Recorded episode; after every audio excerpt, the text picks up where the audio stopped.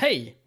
Innan vi drar igång dagens avsnitt vill vi säga ett stort tack till Louise Sandstam och Jakob Wahlsten som har varit patroner till oss på 10 nivån i tre månader eller längre. Tack så mycket och nu startar vi podden.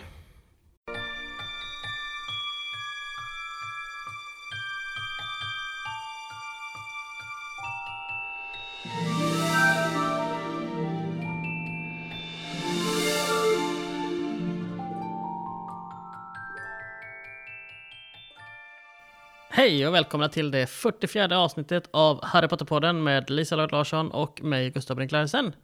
Hej Lisa! Hej, du pratar jättefort redan, du får slow down. Ja, visst gjorde jag det? Ja. Det gick oerhört fort det introt. Ja. Ja. Jag tycker vi ändå behåller det. För det, Ja. för det är den du är. ja, snabb som fan. Eh. Förutom när jag springer. Ja. Snabb i käften. Eh, Mm. Ja, men det är bra med dig? Det duger. det duger. Vi ska det spela är, in podd. Det är lördag, då är man glad. Förutom att det är söndag. Det är söndag, då är men du är man ledig imorgon glad. däremot. Det är lördag för mig. Ja, precis. Så det, Ja, just det. eh, det funkar för dig. Det funkar för mig. Mm. Vi ska prata om en karaktär som ganska många tycker om. Ja, Mm. det är många som har frågat efter detta Mhm. under lång tid. En viss Hermione Granger. Ja, Och någonting som vi sa att vi inte skulle prata om är hur det uttalas, för det uttalas Hermione. Ja, oavsett vad Crumb, att Crumb har problem med det, så... ja. eh, Det är många att- som har problem med det. Ja, eh, som du sa som har lyssnat på de tidiga ljudböckerna med Mm. mm. Christer Henriksson. Det var ju innan filmerna kom. Ja, och han han- sa ju då Hermione va? Ja, Ja. De, det är många namn där som... Ja, alltså. Det är ju konstigt det här för att man... Eller det blir ju lite märkligt när man... Man döper ju om vissa karaktärer helt för att de ska ha ett mer... Ja, ett namn som betyder det någonting på engelska till exempel, då vill man ju också att det ska ha en check innebörd på svenska också. Typ Krumben heter Hermiones katt till exempel, han heter Crookshanks Ja, i originalet liksom. Men det ska ju vara att han är lite hjulbent då, precis. som är hans eh, namn och så vidare. Det finns många sådana. Snigelhorn heter ju det. Slughorn till exempel. Lockman, Lockhart, ingen stor skillnad, men ändå Nej, lite grann. Den fattar jag i och för sig inte. Nej, det, nej, det är Men- så litet. Men i alla fall. Ja, i alla fall. Det finns ju, det finns ju rätt så många sådana. Ej att förglömma Neville Longbottom på norska. Underbara namnet. Förbannat kul. För er som har missat det. Nilus Langballe. Jajamän. Dumbledore på norska också heter Humlesnurr. Det är, så- alltså, Eh. man kan ju inte ta Norge på allvar. Förlåt norrmän som lyssnar på oss. Jag har jobbat med på ett norskt företag i tio år, bodde där ett par år. Jag tog dem inte seriöst en enda gång. Det går inte. Nej, det går inte. Humlesnurr. De stavar cykel, S-Y-K-K-E-L, bara det är liksom, Ja. nej, det går inte. Det är, som ett, det är som ett svenskt barn som skriver. Då blir det, då blir det norska, typ. Nu har jag Ja. minst en gammal kollega som lyssnar ganska mycket på detta som är norska, så att eh, hej hej! Ja, ja, men vi, Vi vi, tycker om vi, er tycker ju om, vi tycker om eh, norrmän såklart, och kvinnor och alla andra norska människor helt Ja. enkelt. Men, eh, men språket är, det är underhållande. Ja, det är det. Det är det. Det får man säga. Ja, det får man ge dem. Ja. Eh, I alla fall, Hermione är dock inte ett sådant namn, var Nej. det jag tänkte komma fram till, utan Hermione heter Hermione. ja. Enkelt och grejt. Alla vet, utom Christer Henriksson och Viktor Krum. Ja, precis. Och Christ- men Christer Henriksson, han läste också när det bara hade kommit Ja. en, det var barnböcker, Ja. då gjorde man så. Det var, det, Ja. Du är förlåten Christer. Ja, och jag, tycker faktiskt, jag måste säga att jag tycker Christer Henriksson är en fantastisk bokuppläsare överhuvudtaget. Han är jättebra. Ja. Eh, så. Jag har inte lyssnat på de svenska, inte lyssnat på någon av de svenska versionerna, så att... eh, Nej, jag vet, jag hade väldigt många vänner på högstadiet som hade något agg mot honom typ för att han läste upp böckerna så himla dåligt. De blev jätteglada när Björn Kjellman då gjorde en om eh, inspelning av Ja. detta då, som är lite mer modern och så här. Det kom lite nya upplagor i böckerna och han säger även namnen på engelska och liksom, ja men så här, eller med, med engelskt uttal. Och, eh, och så. Men jag tycker Christer Henriksson är fin också. Ja, jag gillar honom som skådespelare bara, om inte annat. Ja. Det är ju det som är hans mest kända gebit i livet. Wallander, för er som inte vet vem Christer Henriksson är. Exakt. Kurt Wallander. Ja, Jag tycker han är skitbra. ja, det här är roligt, vi har pratat om det här i min andra podd från Bäckterbron, att min Wallander är ju dock Rolf Lassgård. Så, För han spelade Wallander Mm. först. Så här. Men Vad stora- fan, det blir mindfuck för mig, för är inte, Ja. är inte Rolf Lassgård också Gunvald Larsson i Beck? Exakt, han, och han är ju min är Gunvald också. Ja, och det är ju min Gunvald, det är Mikael Persbrandt. De flesta. Gunvald är Micke Persbrandt. Ja. Så det, ja, det är mycket här. Jobbigt, men Ja. Wallander eh, tycker jag nog ändå att vi... Jag tror att Christer Henriksson har gjort klart flest i alla fall av dem. Ja. Eh, och han började mycket tidigare än vad jag trodde med det. Jag tänker eh, att de flesta av våra lyssnare, för där är Peter Haber är Martin Beck och Christer Henriksson är Kurt Wallander. Ja, Och sen har vi lite andra sådana B, vad heter den, eh, vad heter den som han Jakob Eklund är, han som säger vad fan. Ja, ja hela men tiden. eh, den som började med eh, nolltolerans. Ja, precis. Ja precis, Eh, exakt. Ja, precis. Ja skit i det, det var ju verkligen off topic. Ja. Eh, sekta. Vi skulle inte prata om Hermiones namn och ändå gjorde vi det. Ändå Ja. tre minuter av alla andra också. Ja, tre minuter av alla våra liv som Mm. vi inte får tillbaka. Nej. Vi ber om ursäkt. Men i alla fall, Hermione, vi börjar någonstans lite vid sidan av henne, för hon är ju mugglarfödd. Mm. Och eh, det finns ju ett antal sådana, eh, där alltså föräldrarna inte har en susning om att trollkarlsvärlden ens finns. Hur går det till när de får reda på, alltså så här, för att de skulle få ett brev från en jäkla skola som kallar sig för Hogwarts och säger att ja, men ditt barn ska börja här i princip och få en lista med saker som de inte känner igen. Ja. Jävla chock alltså! Ja, alltså jag tänk- först och främst, jag vet inte ifall vi har några av våra lyssnare som är med brittiskt påbrå eller sådär, eller, eller annat utländskt påbrå för all del, där det funkar likadant. Men eh, man är, man är van mycket mer i Storbritannien och utomlands generellt, eh, än vad vi är liksom i Skandinavien, vid att man skickar iväg sina barn på skolor. Det är ofta någon form av internat. Mm. Antingen så är det att man kommer hem på helger, eller så kommer man inte hem förrän Ja, men eh, jullov och, och sommarlov och kanske möjligtvis något, eh, ja vissa har något påsklov eller sånt där. Ja, Beror lite på kultur och, och sånt där också. precis. Eh, vilka olika lov man har. Eh, så föräldrar är ju, många är ju ganska vana vid det här och det figurerar också mycket så här, ja, det är mycket mer klassstyrt än vad det är i Sverige liksom, där vi har den kommunala skolan och sen, ja, ett antal friskolor, men som ändå är ganska vanliga, eller vad man ska säga. Jämförelsevis. Ja, så men liksom. du, du har till exempel gått på Montessori Ja, eh, i högstadiet va? högstadiet. Ja, och faktiskt lågstadiet, ettan till trean också. Ja, det också. Men det var ju en Montessori-klass som var en Montessori-klass på en vanlig skola. Precis, Så det, är lite på prov sådär liksom. exakt. Det finns ofta de uppläggen. I, där jag är uppväxt så finns det, vi har väl Montessori och Waldorf tror jag. Mm, där jag det finns ju också något som heter jag. Eh, och det var väl möjligtvis att vi som gick i den kommunala skolan tyckte att de var lite snobbiga. Ja. Men så här i efterhand när man har lite koll eh, så var de väl inte det Nej. egentligen. Eh, så så här, vi, vi har inte riktigt den, eh, vi har inte riktigt den eh, kulturen, de flesta av oss. Jag vet inte, jag har aldrig varit överklass så jag vet inte hur det är. Nej, men Men, exakt. vi, har, apropå överklass, vi har ju Lundsberg till exempel, är ju det, det, ja. kanske mest kända överklassskolan där det finns ju det enkla skämtet att kungen gick där och jag höll på att säga att han lärde sig läsa och skriva för att han inte kan läsa och skriva i princip. Eh, men, men ja, eh, och även över kungabarnen tror jag har gått åtminstone, ja det är väl en parkskola kanske, kanske bara Carl Philip då. Carl Philip som inte heller kan läsa och skriva. Nej, precis. Nej, nu menar vi inte att håna dyslektiker, Nej, det var inte verkligen kul. inte. Det är bara Ursäkta. att de är kungligheter, det är det Ja. vi hånar, inget annat. Precis, vi är inga royalister vi, vi gillar inte kungafamiljen så jättemycket. Nej, jag är ju till och med med i Republikanska föreningen som alltså ar- arbetar aktivt för, Se där, Ja. Gustav är republikan Mm. på pappret också. inte den amerikanska versionen av Re- Jag är bara republikan. sån vanlig bonnehatare som sitter hemma och liksom bara. Ja, har inte engagerat mig alls. hur gjorde du sa du? Uh. Nej, gud. Ja. Eh, nej, men li- lite så. Det jag ville komma till var att vi, vi har inte riktigt det skolsystemet. Nej. Eh, De flesta av oss har gått i en vanlig kommunal skola, tror jag. Eh, och de som inte har det, har, där har skolan ändå liknat den kommunala ganska mycket, om Ja, man säger så. alltså standard i Sverige är du bor hemma tills du är minst 18. Alltså du har gått Ja, grundskola och gymnasiet och då bor du generellt hemma. Visst, en del flyttar hemifrån när de är 16 kanske för att gå på en annan jag har en kompis som flyttade från, eh, jag minns inte var, men till Göteborg för att kunna gå på musikskola liksom. Och sådär. Det Precis. finns ju sådana, men det finns oftast, något program Ja. någonstans som man går på en annan ort och då får man kanske st- studentbostad eller Ja. korridor eller något sånt där. Eller så har du en moster som du bor hos. Alltså sådär, Lite typ så. på den nivån. Eh, men de, de flesta av oss har ju levt, om man säger, som har gått i skola i Sverige, har ju levt det skollivet då. Ja. Medan i, i, som i England nu då till exempel, där vi, som vi ändå pratar om, är eh, tanken att man skickar bort sitt barn. Eh, för skolgång är inte främmande. Nej.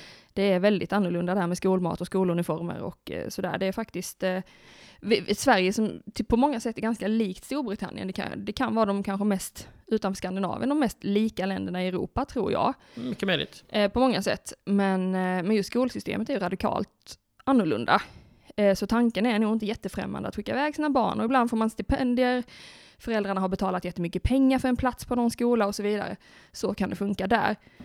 Ja, för, för det är ju roligt att en av de grejerna med liksom Harry Potter-serien för mig är att de bor på internat och det är, ro- det är som så här lite spännande och där. Medan det för brittiska läsare är kanske det minst eh, konstiga med hela bokserien. Att de flyttar iväg, alltså visst, de bor på en en udda form av internat för att det är ett jävla slott. liksom sådär. Men, men Magiskt slott, Ja, att de, ja, precis dessutom. Men att de inte bor hemma med sina föräldrar. Det är, inte, det är inte den stora grejen. Nej. Där liksom. Vilket det då eh, till viss del var för mig när jag läste första gången att åh, komma iväg och liksom sådär. Ja. Men många sådana här gamla stora engelska gods, alltså, typ, alltså ni som har sett Downton Abbey Mm. till exempel vet vad man snackar om här, eh, används ju idag som skolor och då Mm. ofta internat. Ja. Eh, från ganska tidig ålder dessutom. Mm. Eh, så är det för många. Eh, Men här är det då vid 11 års ålder så ska de börja på en helt ny skola och är du mugglarfödd så vet du ingenting om den här världen innan. Um, och hur går det till? Ja, alltså vi får inte veta jättemycket om det i böckerna eftersom, alltså, nu blir ju Harrys, eh, liksom, Harrys skol, eh, ja, hans, he- hela hans uppvaknande liksom, hur han får informationen till sig, det är väl lite udda tror jag. Väldigt Just det udda. här med alla de här, hur många brev som helst och eh, familjen Dursley flyr och Hagrid kommer och smäller in dörren och berättar liksom och så här. Det går inte till så för alla givetvis. Eh, för de känner inte till Hogwarts på förhand, alla andra. Det här var ju för att Vernon och Petunia ville ju liksom, de visste ju, nu kommer Hogwarts liksom och knackar på dörren, Mm. vi ska inte tillåta det. Så det var ju, så är det ju inte för de som inte känner till Hogwarts på förhand, utan då, det vi får veta är väl, det är egentligen mest ur ett samtal från, från Snapes minnen efter att han har dött. I eh, kapitlet, eh, jag vet inte vad det heter på svenska, The Princess Tale heter Mm. det i originalboken.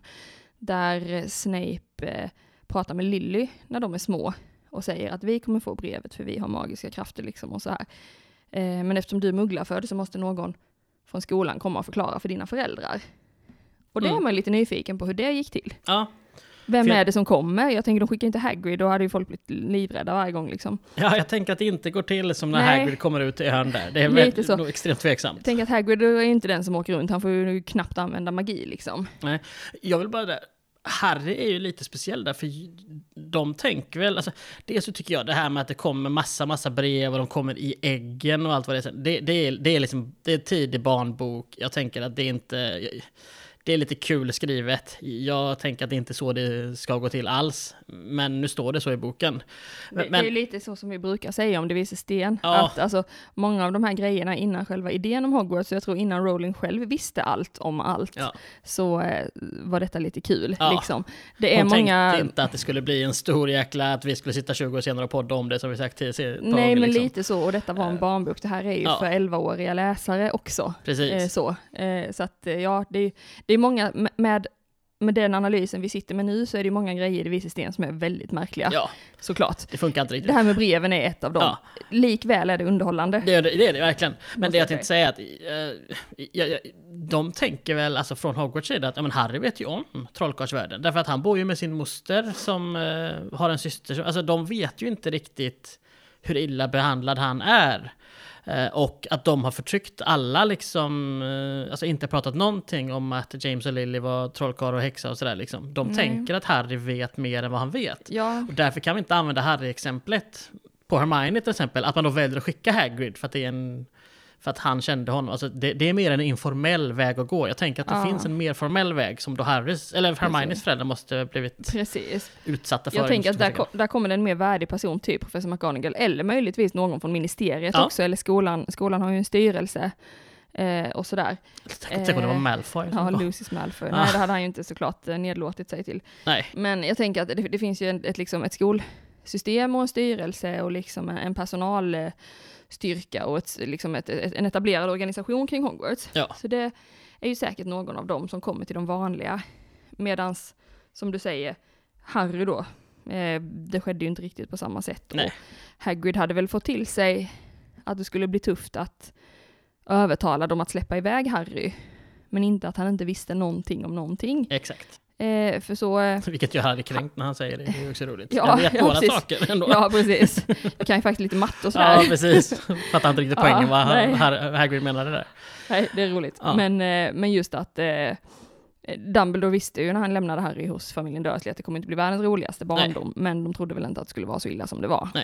Men vad händer om det, man kommer hem till ett mugglarbarn och föräldern är liksom mer rimlig, men samtidigt säger att nej men jag känner mig inte trygg med detta, jag vill inte skicka mitt barn till er skola, för jag vet ingenting om trollkarlsvärlden. Jag, vet jag tror inte på magi. Nej, det här är precis. trams. Det här, jag, jag tror att, så här, snälla lämna mitt hus nu. Jag tror du, du så här, vad gör de då? Alltså så här, för man kan ju inte göra som Dumbledore gör för, eh, för, för Tom Riddle, att sätta eld på en eh, garderob, även om det inte är riktigt eld. Liksom. Det, känns som att det, eller är det så de gör tror du? Att de visar på något sätt, det här finns faktiskt? Eh. Det tror jag de skulle kunna göra. Ja. För jag tänker så, vi pratade lite om det här innan vi började avsnittet, att just hur man, hur man går tillväga. För dels så här, man kan ju inte tvinga, bör man ju inte tycka, eller så här, man bör inte kunna tvinga folk att släppa iväg sina barn till någon magiskola. Men samtidigt är det inte jättebra heller, det vet vi ju hur det brukar gå när folk som har magi men som inte kan använda den. Ja, det, det brukar inte gå så bra. Den Nej. sprutar ut lite här och där och brukar bli kaos och konstigt liksom. Ja, och trollkarlsvärlden vet ju någonstans om den här personens potential på ett sätt som föräldrarna då faktiskt inte vet.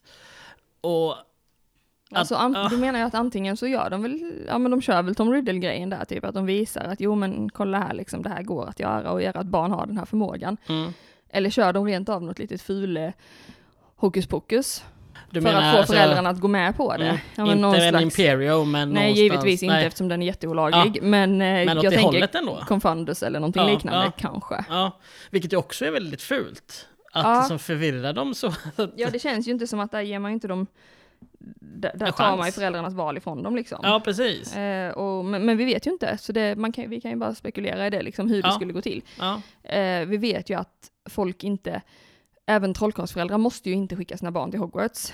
Det är nej, ju inte men de kan ju också lära dem på ett annat sätt. Eh, Då förväntar man sig någonstans att de lär sina barn hemifrån. Sen hur det funkar med examensprov och sådär vet jag inte. Nej, Men möjligheten finns ju. Man måste, Ja. Det är inte obligatorisk närvaro för en Voldemort inför det egentligen, annars är det alltid frivilligt att skicka sina barn till Hogwarts. ja, och hemskolning är ju en grej även i mugglarvärlden. Så att, Ja. menar, så Också vanligare Molly utomlands ju, än- ja, än Molly hade ju kunnat ta sina barn hemma och lära upp dem i det mesta i alla fall. Liksom. Ja, Nu vill ju hon att de ska gå på Hogwarts. eh, såklart ja. Ja. för att det är ju jättebra och de lär sig jättemycket, Ja. så det kan man ju förstå. precis. Men ja, just hur det funkar med mugglar, födda häxor och trollkarlar, det är spännande. Ja. Men Hermines föräldrar verkar inte ha haft några som helst problem med att skicka iväg Hermione. Till slut i alla fall. Vi vet ju ingenting om det mötet, hur det gick. Men hon går ju på, på, på, på Hogwarts. Och Mm. vi får ju till och med träffa Hermines föräldrar, om än lite grann i bakgrunden i Ja. bok två. Och de är inne i diagongränden och verkar ju tycka att det här är, det är nice. Liksom. Ja, men så här, det är spännande och intressant Ja. och en helt liksom, ny värld för dem såklart. Ja, så att eh, Mm. det problemet hade ju inte Hermione. Så att eh, det var ju skönt. och Bra för oss allihopa. Ja, hon säger väl där på Hogwarts-expressen, hon säger när, de först, när hon först träffar Harry och Ron att, ja hon säger väl någonting om att jag blev, eh, vi blev jätteförvånade men jätteglada när jag fick mitt brev. Mm. Liksom. För det skulle kunna vara så, om vi tar som Neville som ju då liksom släpptes, han visade inte så mycket magiska krafter, eh, men sen släpptes han från, eller tappades från någon sjätte Kastades våningen. Ja, ut från, en pi, från piren i Blackpool. Alltså Ja. har, ni, har ni varit i Blackpool? Nej. Den är sjuk alltså. Okej. Ja, men han studsar ju sen, det är någon gång han faller ner, det, som gör att de upptäcker att han faktiskt har magi. Ja, är när de han, håller honom ja. ut genom ett fönster på andra våningen. Så är det, ja, precis. Ja. Och någonting sånt måste ju ha hänt Hermione, inte att hon har trätt ut ett fönster och studsat och klarat sig, men att någonting är det ju med henne. Jag tänker att vid 11 års ålder så ska man ha märkt det och föräldrarna Mm. kanske bara Aha, Mm, det, det är det någonting. här som är Ja. grejen. Liksom. var, ja, men Neville var det ju tvärtom, stackarn. Han försöker de ju pressa ut Ja, någon slags magi. Stackarn. Och trodde ju länge att han var en ynk då. Ja, men, men, men jag tänker att, så att den här, det är inte så att de kommer hem till dem och blir bara jaha, det här, det här har jag inte märkt någonting av, utan det finns nog någonting. Jaha, hon har fått konstiga saker att hända ut- och vi vet Mm. inte vad, eller något konstigt saker har hänt henne utan att vi vet vad. Nej, och det precis. ger en förklaring till alltihopa. Ja, Och då kanske det känns lite tryggare att skicka iväg henne också liksom.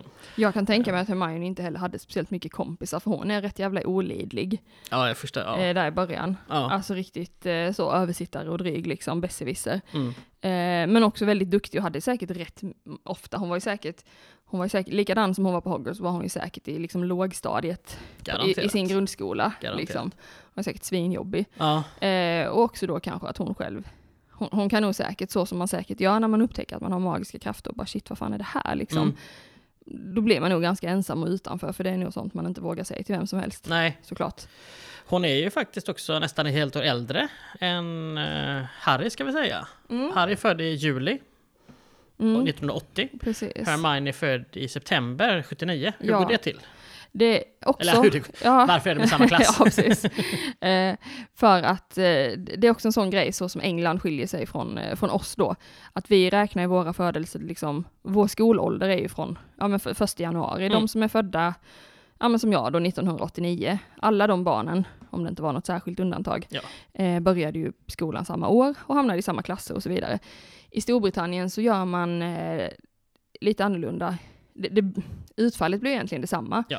Eh, för det kan, ju vara, det kan ju skilja sig jättemycket i en klass, alltså en svensk skolklass, så kan det ju vara ett, kan vara ett barn som är fött 1 januari, eller någon som är född sent, så som du, liksom dagen Ja. före nyår. Jag har ju alltid varit yngst och haft folk som är födda tidigt i januari som då egentligen haft ett helt års mognad extra på mig. och har på, på, på små barn gör det ju jättestor skillnad. Ja, precis. det är ju liksom, det märker man ofta också i så här fotbollslag och handbollslag och sånt här också, att de barnen, just i låg ålder, kanske inte när man är vuxen sen, men i låg ålder, så, så just i idrottssammanhang och så, så är det ju de barnen som är födda första halvåret jämfört med kanske slutet av årets andra halvår, eh, kan ligga lite efter ibland och det är inte konstigt. För då har man ju ett helt, eh, kanske ett helt års eh, koordination och mognad och växt liksom, Mm. som man ligger efter. Det finns en ganska kraftig överrepresentation bland fotbollsproffs på folk som är födda första halvåret kontra det andra halvåret. Det Precis. finns såklart folk födda i december, januari, eller december, november som har blivit proffs också. Precis. Men det finns en kraftig överrepresentation av duktiga,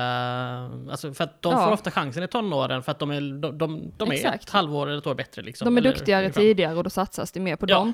Medan de då som kanske, ja men i sin åldersklass då senare, i Mm. mognaden givetvis, man är född senare, eh, inte får samma chans. Så. Så I att, Storbritannien då så är det ju, då drar man inte detta vid årsskiftet, utan då är det att den som har skolåldern inne vid skolstarten, det vill säga 1 september. Mm. För det är ganska standard där att nästan oavsett vilken dag, såvida det inte är en helg, eh, så börjar skolan alltid 1 september. Det är Ja. första skoldagen för alla årskurser, alla klasser, alla åldrar i hela landet. Mm. Eh, och den som då har skolåldern inne tills dess, så får ju då börja. Ja. Hermione missade ju då, det var säkert bittert för henne, men, ja, men hon missade 19 ju då, missade hon. eh, Ja. för hon är född i liksom där slutet av september-ish. Mm. Eh, så missade hon ju den skolstarten och fick vänta till nästa år. Och, och som du säger då, Harry är född i juli. Det är ju nästan ett helt år mellan dem.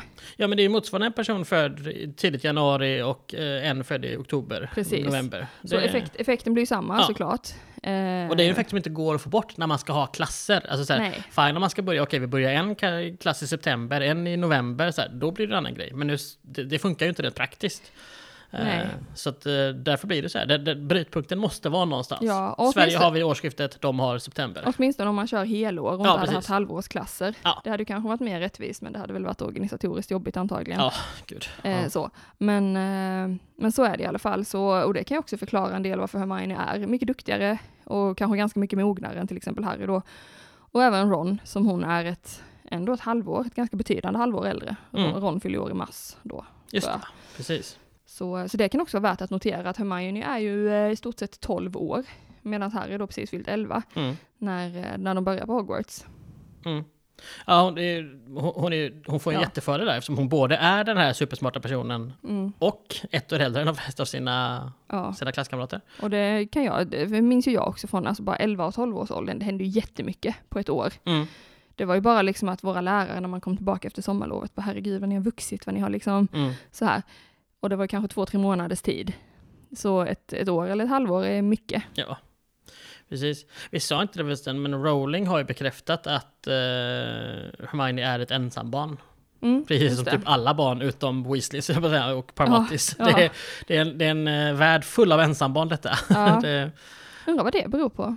jag har mina tankar att hon inte riktigt orkat skriva in... eh, För att, för att det, helt plötsligt så borde det dyka upp småsyskon till folk. eh, Eller finnas fler stora syskon på skolan. Eh, Mm. Och det... Det kanske i och för sig också är många som har syskon, bara att vi inte får höra om det i, i själva storyn. Så Såklart, jag tänker till exempel Colin Creevys eh, lillebror Dennis börjar ju två Mm, år han får senare. vi höra om. Exempelvis. Ja. Ja.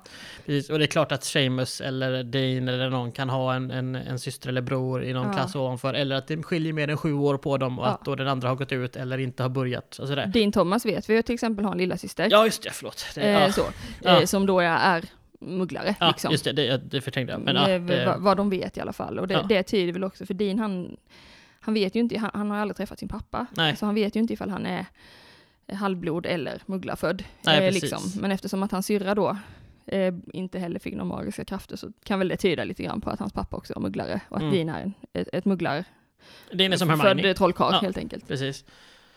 Exempelvis. Ja. Men ja, jag kan tänka mig så, för Rowling säger ju även, äv- eller hon säger inte det, men hon skriver att det, det, det- det ska ju vara lite underförstått i storyn också, att det är många som, Mrs Weasley säger det vid något tillfälle då när Voldemort var, eh, liksom hade makten första gången, att eh, ja, men folk blev så nervösa och de eh, rymde ihop liksom och gifte sig och skaffade barn alldeles för tidigt och, Mm. och stadgade sig för att alla trodde att man skulle vara död imorgon typ, säger hon. Det skulle ju tyda på att det fanns jättemycket barn. Jag tycker det. Och att så. Men det verkar det inte göra. Nej. Så. Det här har vi pratat om innan, det här men- problemet med antalet elever på Hogwarts och sådär, det har vi ju gått igenom eh, Ja. tidigare. Eh, sådär. Yes, det är lite störigt. Ja, men, hur är ja. Hermione som person? Om vi bara tar det, ja, alltså man gillar ju Hermione skitmycket. efter ett tag. Eh, ja, men alltså så här, sen samtidigt, bara, jag var också ganska bossig. Så, eller ja, nu, Ja. nu nickade Gustav typ som in, igenkännande när jag sa detta, det Ja, tyckte jag var lite, Lite kränkande. Ja. Eh, nej, men jag, är- jag, jag har vänner idag som eh, tycker att jag var bossig och eh, dominant som barn, och det var jag. Du håller med? Ja, verkligen, och det är jag fortfarande. Eh, eller jag tar mycket plats, det vet jag.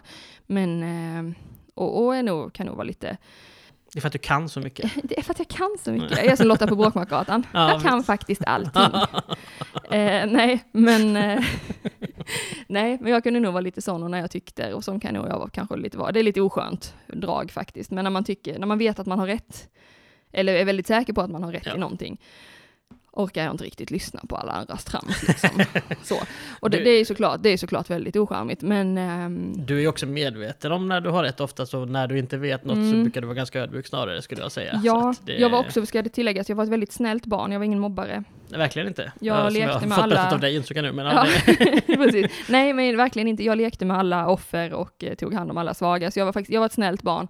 Eh, Lisa jag. använder ord här som är, liksom, låter hårdare än vad hon menar det är, som är offer och grejer sådär. Det, men Nu menade jag ett mobboffer, Ja, precis, så, så att vi- vilket är faktiskt ett riktigt ord. ett riktigt, ja, ja, men bara man kan att- vara ett mobbing för offer, eller ett offer för mobbing Ja, menar jag. precis. Det kan man vara. Ja. Men du, Eh, du tog dig an de flesta Ja, liksom, det gjorde jag. Jag tyckte Ja. jag trivdes väldigt bra när alla fick vara med och det var lugnt. Jag, är en god, jag är en förespråkare av god stämning och husfrid. Jag tycker väldigt mycket om när alla är sams. Mm. Det tycker jag är trevligt. Eh, så. Eh, men kunde nog också vara lite dryg och lite översittare och bestämde ju gärna då. Och tyckte liksom att... Men du "Nå, var ju lite lillgammal. Du, jag var lite ja, lillgammal också, det- det ska jag inte, ska Nej. inte förneka. Men, eh, men, så jag kan ju förstå Hermione ganska mycket. Ja, Hon har ju nästan alltid rätt. Hon vet Ja. ju skitmycket hon är ju så och är duktig liksom. liksom. Och då fattar jag att man liksom bara, åh, Ja. suck liksom, ska behöva lyssna på alla de andra puckorna när de kommer med sina felaktiga åsikter. It's Leviosa, till Ja, exempel. exakt. Jag relaterar mycket, så jag tycker om Hermione ganska mycket för det. Men fattar ju också att hon då, liksom jag, kan vara lite mycket, lite svårsmält sådär. Det kan ta ett tag innan man kommer en sån person nära och fattar att ah, okej, det finns ganska mycket hjärta här också. Liksom. För det är Ja. inte alltid inte det som syns först på en som Hermione då. Liksom. Nu känner inte jag dig som liten, men utan, Ja. nu pratar jag Hermione här. Ja, Ehm, vi märker ju även sen Hermione, som också är en väldigt godhjärtad person, att hon Exakt. engagerar sig. Hon blir helt bestött över det här med husalverna. precis. och engagerar sig mycket och hon är ju väldigt för, alltså hon pratar ju med, med Lupin senare om liksom hur utstötta varulvar är och hur fel det är liksom och så här. Ja, hon, Eh, hon så. går ju inte bara på liksom fakta, information, utan hon går ju också med rätt och fel. Hon har ju en bra rätt och fel-kompass liksom. Ja, Så att det är inte bara logik och liksom att eh, ja, men så här kan det vara, eller så här, så här är det, utan det finns också väldigt mycket hjärta och förståelse Ja. hos henne. Eh, åtminstone så utvecklar hon ju det. Ja. Jag skulle säga att det finns från början, men man, man, får, man får reda på det mer ja. bok två framåt kan man väl säga. Liksom. Nu är detta kanske, kanske en fördom av mig, ber om ursäkt om det är fel, men kan det vara så, är det lättare så med ensambarn? Eh, att, man Hur inte, att man inte blir så himla emotsagd. Men Ja. min, min lilla syster har ju spenderat hela sitt liv med att tjafsa med mig och säga emot mig och bråka med mig, tycker jag då liksom. Ja, Eh, och det lär man sig också någonting av, att man får dela med sig och man får visa respekt och hänsyn och lyssna och liksom ja, kompromissa, får inte alltid som man vill kanske och sådär. Ja, nej, men det säger man väl nu om Kina. De har jätteproblem med sina... Eh, de har haft enbarnspolitiken länge och Mm. det är dessutom en klar majoritet pojkar där i för att det var det som Mm. betydde någonting då liksom. Ja, Man gjorde hellre det. abort med flickor och, eller till och med satt ut i skogen finns det ju gamla, det är jättehemskt var det ju. För att Så man bara sjukt. ville ha pojkar liksom. Och nu är Ja. de växt upp, nu är de vuxna, de här bortskämda enbarnspojkarna. För att Ja. de har ändå Kina, vad man än tycker om det landet, diktatur bland annat, har ändå fått det materiellt mycket, mycket bättre ställt de sista 40-50 Mm. åren. Det har hänt jättemycket där. Så att de har inte levt dåligt, de individ, alltså Nej, de, medelklassen har fått det väldigt mycket Ja, bättre precis. kan man säga. så de är ju jättebortskämda och Ja. liksom sådär. Det, Så Kina, Kina har en hel be- befolkning nu av små bortskämda Ja, typ. enbarnsprinsar Ja, liksom. och så bara, varför ska jag ta ansvar liksom? Det, alltså typ såhär, så jag överdriver såklart. Snubbar Alla är såklart inte sådana liksom. Men, men det har verkligen Mm. varit ett problem sådär. Och det är ju enbarnsgrejen till viss del. Sen så Mm. beror det såklart på föräldrarna och liksom... Ja, givetvis. Alltså, och så barnet själv som individ Ja, såklart. det är ju inte alla blir ju inte idioter bara för att de är Nej, själv, ensambarn. självklart. Inte. många av mina bästa vänner som är ensamma Ja. barn. Liksom så. Men jag tänker just, nu menar inte vi att ensam barn blir odrägliga. Nej, nej, nej. Det var inte det vi sa. Nej, Men jag tänker att i Hermiones fall då, så har hon vuxit upp utan syskon Ja. och varit det enda barnet i en familj där båda föräldrarna då är tandläkare, så vi kan väl tänka oss att hon har haft det ganska så gott ställt. övre medelklass. Skulle vi kunna tänka oss, Ja. ja, om vi liksom generaliserar. Mm. Eh, Sen har jag ju problem med folk som är tandläkare för att de har valt konstiga yrken. Men det, ja. Ja, du litar inte på tandläkare. Jag litar inte på tandläkare. Vill, vill man borra folk i munnen, då är Nej. man störd. Det är tandläkare och manliga gynekologer. gy- gynekologer. Man bara, hur? Nej. Så. Kan hålla med lite grann om Ja. det sistnämnda där. Sen är jag väldigt glad över att det finns tandläkare med tanke på att Ja. tandvärk är något av det värsta som finns i Ja. liksom, alltså så här, Någon, när vi pratar någon i gång vardagen sådär. ska ni få höra Gustavs skräckhistoria Ja. om hans värsta tandvärk någonsin. Ja. Den är vidrig. Usch, jag hade inte varit hos tandläkare Eh. på 13 år. Frå- Ja, nu, går vi vidare. Ja, Jag orkar inte tänka på det nej, just nu. usch, nej, det är sorgligt. Ja. Ja. Eh, I alla fall, nej men jag tänker att det kan väl också kanske lite grann ha bidragit till, jag tror att Hermione är ett sånt barn som hade mått väldigt gott av att ha någon som lite grann, ja, jag vet inte, ta, ta lite luft från henne kanske, Ja, antingen hemma så. utmanade henne underifrån eller Ja. tryckte ner henne uppifrån. Ja, säga. Men. Ja, ja. Nej, men, men också att, att hon, eh, jag tänker också att ett, ett stora syskon som hon kunde se upp till lite grann hade väl Mm. kunnat vara nyttigt också. För Hermione är verkligen själv bäste dräng liksom. Mm. Så här. men därför tror jag någonstans att hennes vänskap med Harry och Ron utvecklar henne som person väldigt mycket. För att de är så här, de är inte två dumma personer, men jämfört med henne så är de liksom inte lika smarta. Men de är också mer street-smarta än vad hon är. Mm. Och hon får lära sig jättemycket av det. Framförallt Ron som liksom är yngst, eller näst yngst av i hela sin syskonskara. Mm. Um, utvecklar henne något enormt. Sen så har jag ju kanske problem med att de gifter sig till slut, tycker jag. Men ja, Ja. det är som det är liksom. Ja. Eh, men, men nu pratar vi kompisgänget som de är ändå i Mm. Sex och en halv bok Ja, princip. Nej, Liksom. men det är ett nyttigt sällskap för henne, det tror jag absolut. Ja. Det är väl därför de klickar så himla bra också när de väl lär känna varandra. Mm. Eh, Harry och Ron tål ju inte heller henne i början. Nej, ingen gör det i Men sen så ser de ju hennes, nej hon är nog ganska ensam och hon, vad det verkar som, så blir hon ju aldrig vän med liksom Lavender och Pavati Patil heller i sin klass liksom, utan hon känns ganska, Vi vet ingenting om tjejkompisar på det sättet. nej, Så här. Eh, och det måste man inte ha. Jag är som kille har mycket mer tjejvänner av någon anledning än vad jag har, Mm. eller så här. Åtminstone haft, nu börjar det väl närma sig någon form av jämvikt tror jag. Liksom. Men jag tror att jag har mer tjejvänner än vad en, en vanlig kille i, i min Mm. situation har haft. Liksom. ja men säkert. Eh, Och och Hermione tvärtom då. Ja, Ja. jag tänker att hennes, alltså i, i tidigare, liksom i skolåren och sådär, jag tror hennes bästa tjejkompis är Ginny, skulle jag nog säga. Mm. Och sen kommer Luna till på slutet där lite grann, men eh, det är inte att de umgås Nej, i början på samma sätt heller, de går i olika elevhem och det är lite sådär. Ja, det är mer, tänker jag det som, om jag inte har fel, att det är Ginny och Luna som är mer vänner och att Hermione också är där. För de är liksom. lika gamla Ja. och har vissa klasser ihop och så här också ja. Precis. Mm, det är sant. Och Ginny känns på något sätt, även om hon inte är flummig, så känns hon mer närmare Luna i flummighet än vad Hermione, som ju är väldigt Ja, mer fyrkantig. Jag tror sådär. Ginny är en bra bro däremellan. Ja, precis. Luna och Hermione skulle aldrig funka ihop, men Ginny däremellan, då, Ja, hon är glut. Liksom så här, hon är precis. Hon är klistret emellan. Ja. Ja, Jo, det, så kan det nog vara. Ja, yes. Eh, vi hoppar lite här också, tillbaka till föräldrarelationen med Mm. Hermiones.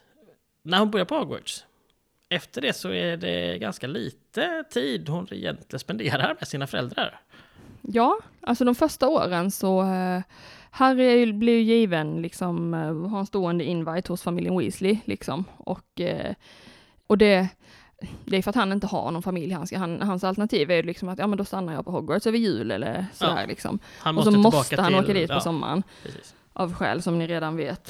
Ja. Eh, men annars är ju han liksom där, där har ju Mrs Weasley, det är inte Ron som har bestämt det liksom, utan Nej. där har ju Mrs Weasley tagit adopterat Harry lite grann som en andra son, så som Harrys föräldrar gjorde med Sirius Ja, exakt. också.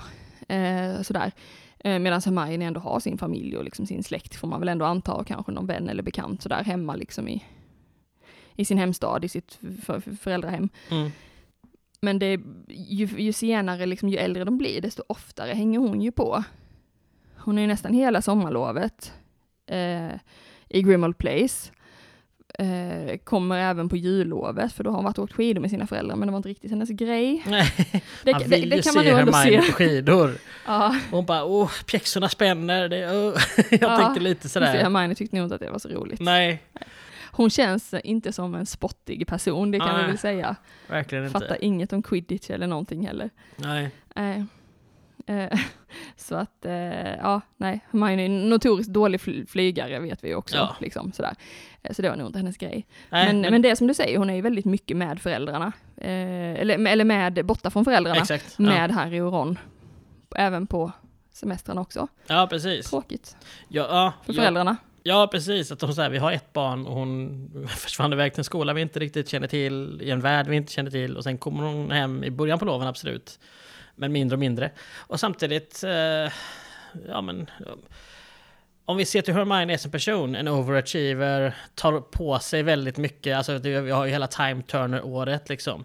Det känns som att de kanske också är lite overachievers, kanske har mycket saker för sig. Jag kan tänka mig att de som tandläkare, och sen är de också engagerade i någonting i sitt samhälle och sådär. De kanske har mycket för sig själva och att liksom, man, vi får ju inte reda på alla brev och telefonsamtal, ja, kanske inte från Hogwarts telefonsamtal då, för det finns ju inga telefoner, men Mm. kontakten de har sinsemellan finns ju ändå, bara att vi inte får höra om den för att Hermione Ja. inte är vår huvudperson. Nej men precis, så Och att, ja, det kan räcka för dem. Liksom att, för alla behöver inte ha den kontakten, att man träffas hela tiden. Det finns ju folk som väldigt sällan tycker om att träffa folk, fast har väldigt nära relationer med, med dem ändå.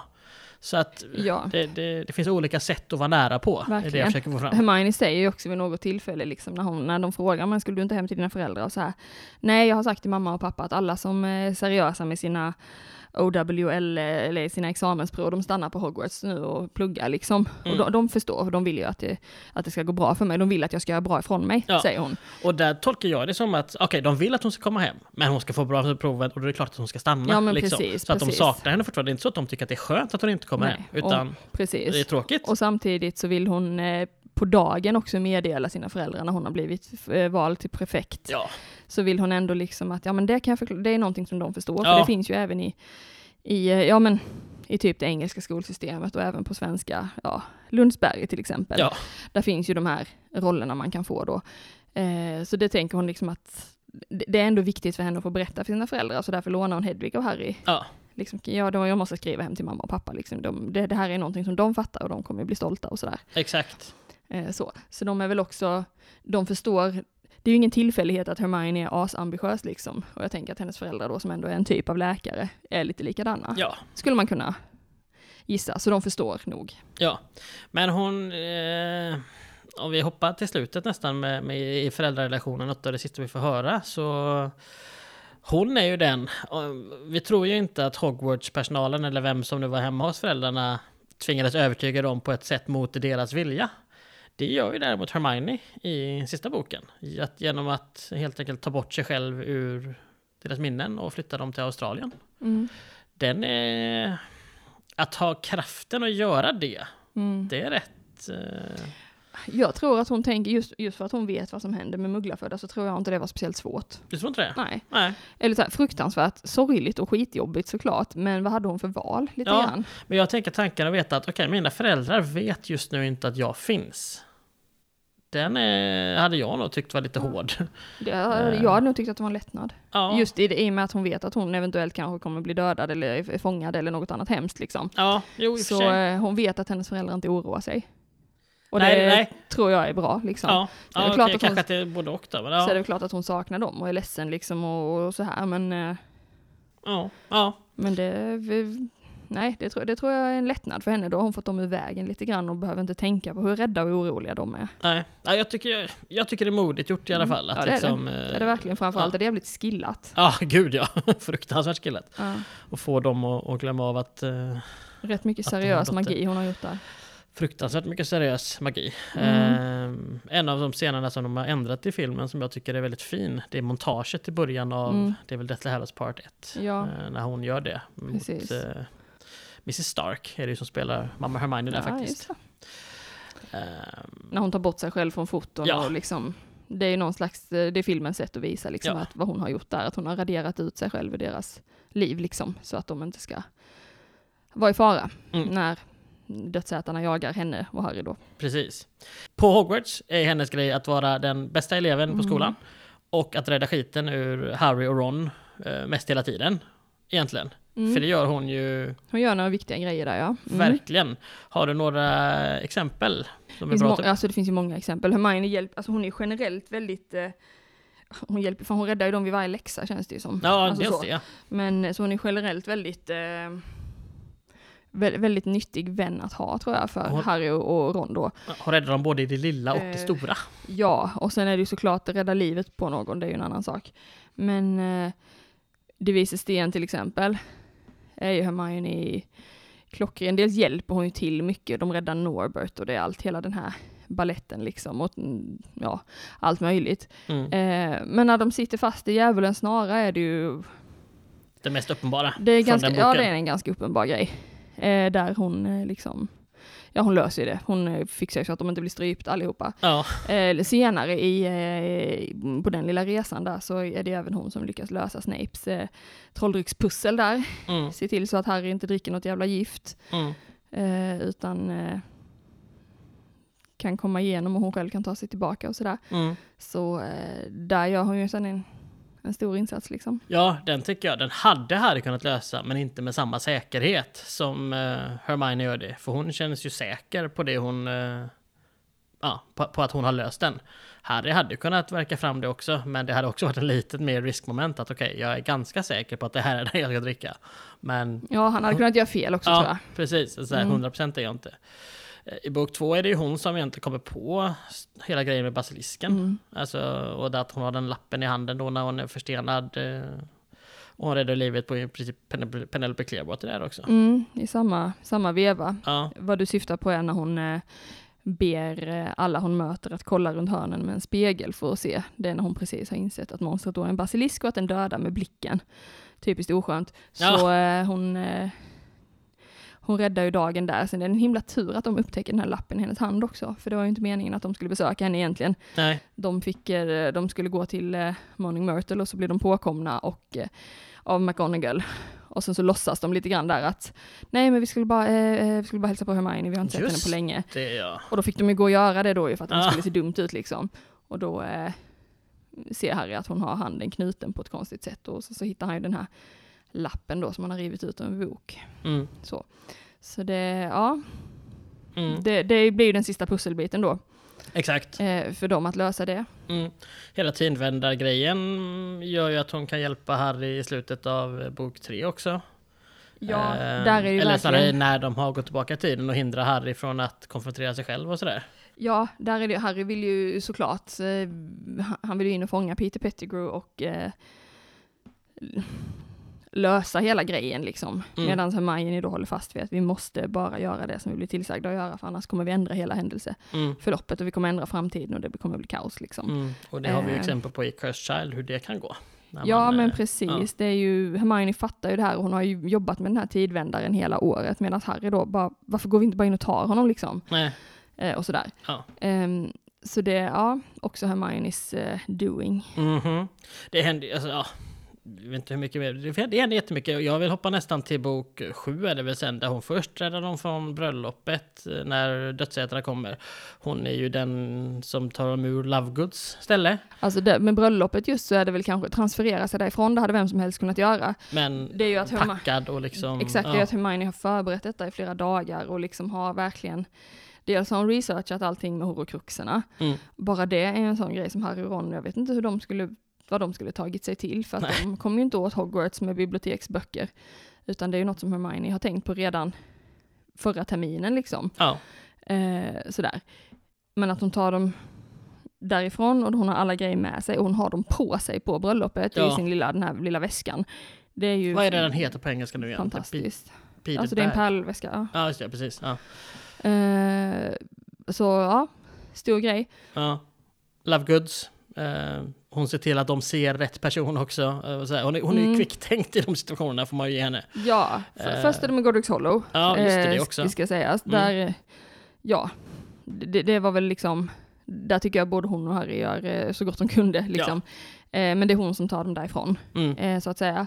Eh, hos Xenophilius Lovegood så, eh, ja, som du säger, hon, hon väntar, hon, hon vill ju även skona Xenophilius Lovegoods liv då. Så hon väntar tills dödsätarna, hon kraschar huset och väntar tills dödsätarna liksom har sett Harry, Harry. för att Harry är ju den som de ville åt liksom, Ja. så de fattar att eh, Lovegood inte ljög. Men hon täcker Ron. Hon täcker över Ron för att hans familj ska vara safe. Och sedan så sticker de. Ja. Liksom. Det är mycket kvicktänkthet där, vad, vad, eh, Ja, vad som är bäst att göra. och även när de blir fångade av, eh, av det här gänget med snatchers så eh, ger hon, hon sätter väl en stinging jinx, liksom en sån här Ja, Harrys i, ansikte. i Harrys ansikte så ja. att han ser stucken och svullen ut liksom så att de inte ska kunna känna igen honom. Mm. Så han kan säga ett falskt namn som inte finns och Ja. sådär. Och, åtminstone ståla hela situationen liksom. Precis, så hamnar de igen då hos, eh, hos Malfoy så det uppdagas och sådär. Men Ja. det är väldigt eh, mycket snabbtänkthet där från Hermione som också räddar alla deras grejer med att lägga sin väska i strumpan och att ingen uppmärksammar det liksom när de visiterar henne. Just det ja. Eh, skitsmart. Ja, verkligen. Ehm, men om vi tar efter uh, Deathly Hallows. Vad har Rowling sagt händer Hermione? Vi vet ju en del från, eh, dels från epilogen men också från The Cursed Child. Och, eh, och därifrån vet, vet vi, vi vet ju att hon och Ron blir tillsammans men att de också håller ihop. De får två barn tillsammans också lite senare som heter Hugo och Rose. Mhm. Vi vet också att Hermione blir trolldomsminister. Mm. Eh, till sist liksom. Mm. Hon går tillbaka till Hogwarts och eh, läser sitt eh, sista år då som hon har missat. Harry och Ron gör ju aldrig detta. Nej, Men Hermione går ju in och läser in sjunde året liksom, så hon får sina betyg eh, och sådär. Eh, och sen jobbar hon sig uppåt. Så eh, ja, en värdig karriär ändå. ja, hon får väl den karriär som eh, man eh, kan förvänta sig av den bästa eleven på, på den enda trollkarlsskolan i Storbritannien. Mm. Det, är man bäst så ska man väl upp i toppen någonstans. Ja, precis. Och eh, Det kan inte ha skadat tänker jag heller, för Nej. Harry och Ron får ju lite gräddfil in i att bli aurorer efter det som de har åstadkommit. Och jag tänker att det kan inte ha skadat att Hermione var den som tog dem igenom allt detta verkligen inte. också. För det finns ju andra bra elever givetvis, alltså det finns ju sådana som typ Ernie Macmillan och Ja. sådana pluggisar liksom, som Mm. också säkert fick väldigt bra karriärer. Såklart. Men det är också skönt att ha en, eh, som trolldomsminister en person som Hermione med tanke på SPEW och eh, Mm. allt som hon har gjort genom åren där. Hon verkar, som, som vi pratat om, hon har ju också bra värderingar. Precis. Vilket den också till mycket, alltså där, jag tror inte att hon har lärt sig de bra värderingarna av Harry och Ron, men hon har kanske lärt sig att de är viktiga. Eh, viktigare än vad hon kanske trodde tyckte som barn, tänker jag i alla fall. Att hon, de tar fram det ur henne. Ja, Eh, jag tänker nästan lite tvärtom, för de skiter ju ganska mycket i husalverna. ja, Särskilt Ron är ju sådan. Han lever ju verkligen i gamla värderingar och tycker liksom att ja men husalver har man ju, det bara är så de ska jobba för de gillar det och sånt där. Ja, jag säger inte att det var Ron som Mm. inspirerade henne just till det, men att liksom så, så, sådana saker, den typen av saker spelar, spelar roll, fick hon ju lära sig då av dem, tänker jag, genom åren, genom att vara mycket med dem. Att det inte bara är fakta och logik som, som spelar roll, utan Ja. också känslorna och vad man- vad rätt och fel liksom. Sen så har ju, som du säger, Ron är ju inte den som alltid engagerar sig mest i, i de sakerna. Men han har ju ett gott hjärta någonstans ändå. Ja, jag tänker nästan lite tvärtom. Jag ser henne som den mest empatiska av de tre. Mm. Eh, och att det är hon som kanske snarare inspirerar dem till känslor och känsloliv och så här än tvärtom. Ja, Eh, ja. Tänker jag. Men ja. Ja, jag tror att de lär sig av varandra. Kort och gott. Men hon har en bra karriär efteråt. Um, något vi ska prata om är lite grann också, hur ser hon ut egentligen? För det blev ju en jättegrej när The Cursed Child blev castad och Hermione mm, spelas av en mörkhyad kvinna helt enkelt. Ja, Eh, och det har gjorts sen dess, hon har ju bytts ut eh, som de gör i den typen av eh, värld. Att man eh, Ja, det- skådespelar ett tag och så byts man ut liksom. ja. För att man går vidare. Ja, Man precis. får inte Det- sparken det utan de- man går vidare. Nej, precis. Det, det de gör i The Cursed Child är för att den har gått så många, den har gjorts i så många föreställningar och i, den har, liksom, det har blivit en massproduktion av den. Ja, Eh, och det är inte möjligt för en skådis att hinna allt det helt enkelt. Så vissa som spelar en roll i en uppsättning kan spela någon annan i en annan uppsättning och vissa spelar flera. ja och det finns alltid samma- ersättare och sådär liksom. Ja, Eh, det, eh, så. Ja, så är det med alla. Ofta är det ju att musikaler har ett ganska stjärn, eller om man tar musikaler, om man tar typ Hamilton liksom. Det finns ju ingen som är kvar i den musikalen från början, därför att de har gått vidare, de vill göra andra saker. Man spelar den här något år eller någonting, och sen går man vidare till, till nästa grej. Men musikalen går så bra så den vill man ju ska fortsätta. Ja men då tar man in en ersättare för den personen. En, en, en ny person får ett Ja, jobb. men liksom. inom teater och, Ja. och sådär överhuvudtaget så är det ju liksom, det, det är inte konstigt Nej. att man gör. Medan det i serier och filmer verkligen inte funkar så, för där vill man se samma, samma huvudroll såklart. Man det vill är inte ha Sunset. Beach när det byts eh, skådespelare Nej men alltså, ja, nej, men det skulle vara jättekonstigt i bok eh, tre att byta ut Harry Potter liksom. Mm. Att jaha, nu var det inte Daniel Radcliffe, nu var det någon annan. Nej. Det hade inte riktigt funkat. Men i teatervärlden och musikalvärlden är det mycket mer så. Ja, Eh, men det, det är väl egentligen bara löjligt att hetsa upp sig över, över en sådan sak, ja. tycker väl vi. Eh, det vi vet om Hermione är att hon hade stora framtänder och buskigt brunt hår. Mm. Eh, hudfärg vet vi inte så mycket om, det nämns aldrig.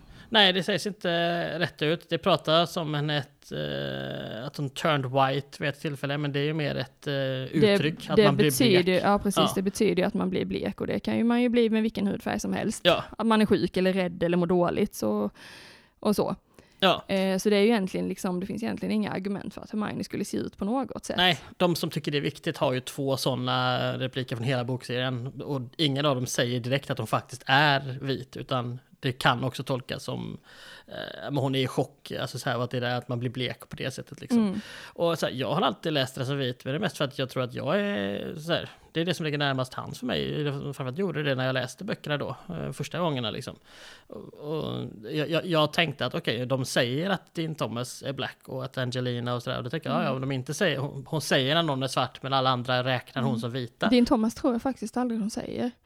Har vi inte pratat om detta tidigare? Att det var eh, Angelina Johnson och eh, Blaise Sabini omnämns vid hudfärg.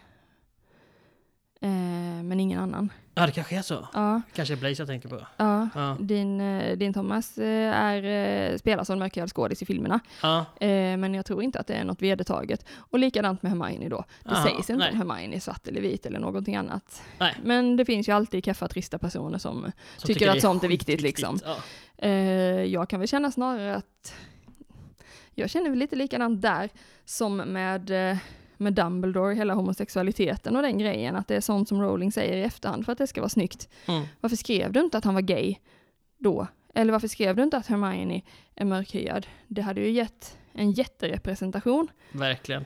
för de grupperna att två så stora karaktärer liksom ingår i dem. Verkligen. Eh, så. Och det stör mig lite med Rowling att hon i efterhand liksom PK-tvättar sina karaktärer. Bara, åh ja men Dumbledore är liksom den största, viktigaste genom alla tider. Han var bög. Ja, Så bara, jaha, varför kunde han inte få vara det i bokserien då också? Ja.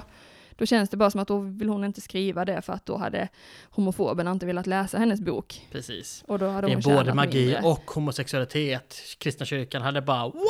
det Ja, här ja, måste vi förbanna. ballat ur liksom. Ja. Så är det ju, så det tycker jag är lite tråkigt. Men jag är glad att det hellre kommer i efterhand än att det inte kommer alls. Känner väl jag då. Ja. Ehm, Hermione spelas ju dock av Emma Watson i de åtta eh, filmerna som Mm. Hermione är med i. Vad, hur tycker du hon är? Eh, eller börjar så här. Ser du Emma Watson framför dig när du läser boken? Nej, absolut inte. Nej. Jag ser, det är lite roligt, jag ser Emma Watson som den unga Emma Watson, alltså när hon var det här lite burriga håret, lite ja, men, Mm. barnchubby liksom. Men jag ser inte Hermione som äldre som Emma Watson, för jag tycker inte det blev åt rätt håll, utan det ska vara Mm. mer de här större framtänderna som ju inte Emma Watson har och sådär liksom. Eh, så jag ser henne i början som det, men sen, sen släpper jag det. Ja. Men hur tycker du eh, Watson sköter sig? ja, men som de andra två. Jag, som sagt, jag är inget filmfan eh, just av den här produktionen och tycker att hon likväl som alla de andra är hysterisk och andfådd och värdelös. eh, så. Sen så, jag tycker jag ogillar Emma Watson jättemycket som Hermione, men inte i övrigt. Nej, hon Jag verkar väldigt vettig i övrigt. I- Vad jag har förstått som. Ja, något sånt här kanske. Och att hon, jag tycker framförallt att hon har varit bra i andra filmer där man har sett henne, där hon inte alls har varit så jävla kass. Så jag vet inte om detta var för att det var hennes sto- första stora liksom eh, jobb så att säga. Hon var ju ändå ganska liten när, när de började spela in. Mm. Eh, så att hon har blivit bättre helt enkelt. Mm. Eller om det bara har varit så jävla kass regi i de här filmerna, för jag tycker hon är bra i andra filmer Mm. där hon ska spela andra roller. Men Mm. jag tycker absolut inte hon gör en bra Hermione. Ja, okej. Eh, Hon är ju född 90 och första filmen kom ju 2001. Så att eh, då lär hon ju varit 10 när de spelade in den då liksom. Mm. Eh, Precis. Så att, eh, ja. Det är som det Ja. Det är roligt att Vad, Hermione... vad tycker du? Eh, jag ska bara säga det är roligt att Hermione ska vara ett år äldre än de, eh, Harry och Ron. Men skådespelarmässigt så är ju både Rupert Grint och Radcliffe äldre än Emma Watson. eh, med ett och två år. Mm. jag tycker som sagt att men jag tycker hon gör det helt okej. Jag tycker hon är bra som störig, eh, störigt barn i första filmen. Jag tycker hon gör det helt okej där och då. Och sen tycker jag att hon är, ja, men tillsammans med Daniel Radcliffe, helt okej. Jag tycker ju att Rupert Grint är nivån under de två. Ja, och där tyckte jag tvärtom. Jag föredrar ju Rupert Grint eh, Ja. framför de andra, men jag tycker inte att någon av dem är speciellt bra. Nej. Ja, men så här, jag tycker hon gör det helt okej. Jag tycker ju att eh, Emma Watson är mycket bättre i andra filmer, precis som du. Jag tycker ju att eh, Perks of Being a, a Wallflower är en väldigt bra film och där är hon med. Om än att alla ser för gamla ut för att gå på high school och sådär. Den ja, klassiska. Eh, hon är rolig i This is the End. De spelar en eh, version av sig själv när jorden håller på att gå under. Och sådär. Så att, eh, jag tycker hon är bättre i andra filmer än, än Harry Potter-serien. Mm. Eh, och hon verkar vara vettig. Hon har ju stått inför FN och talat om eh, kvinnors rättigheter och Mm.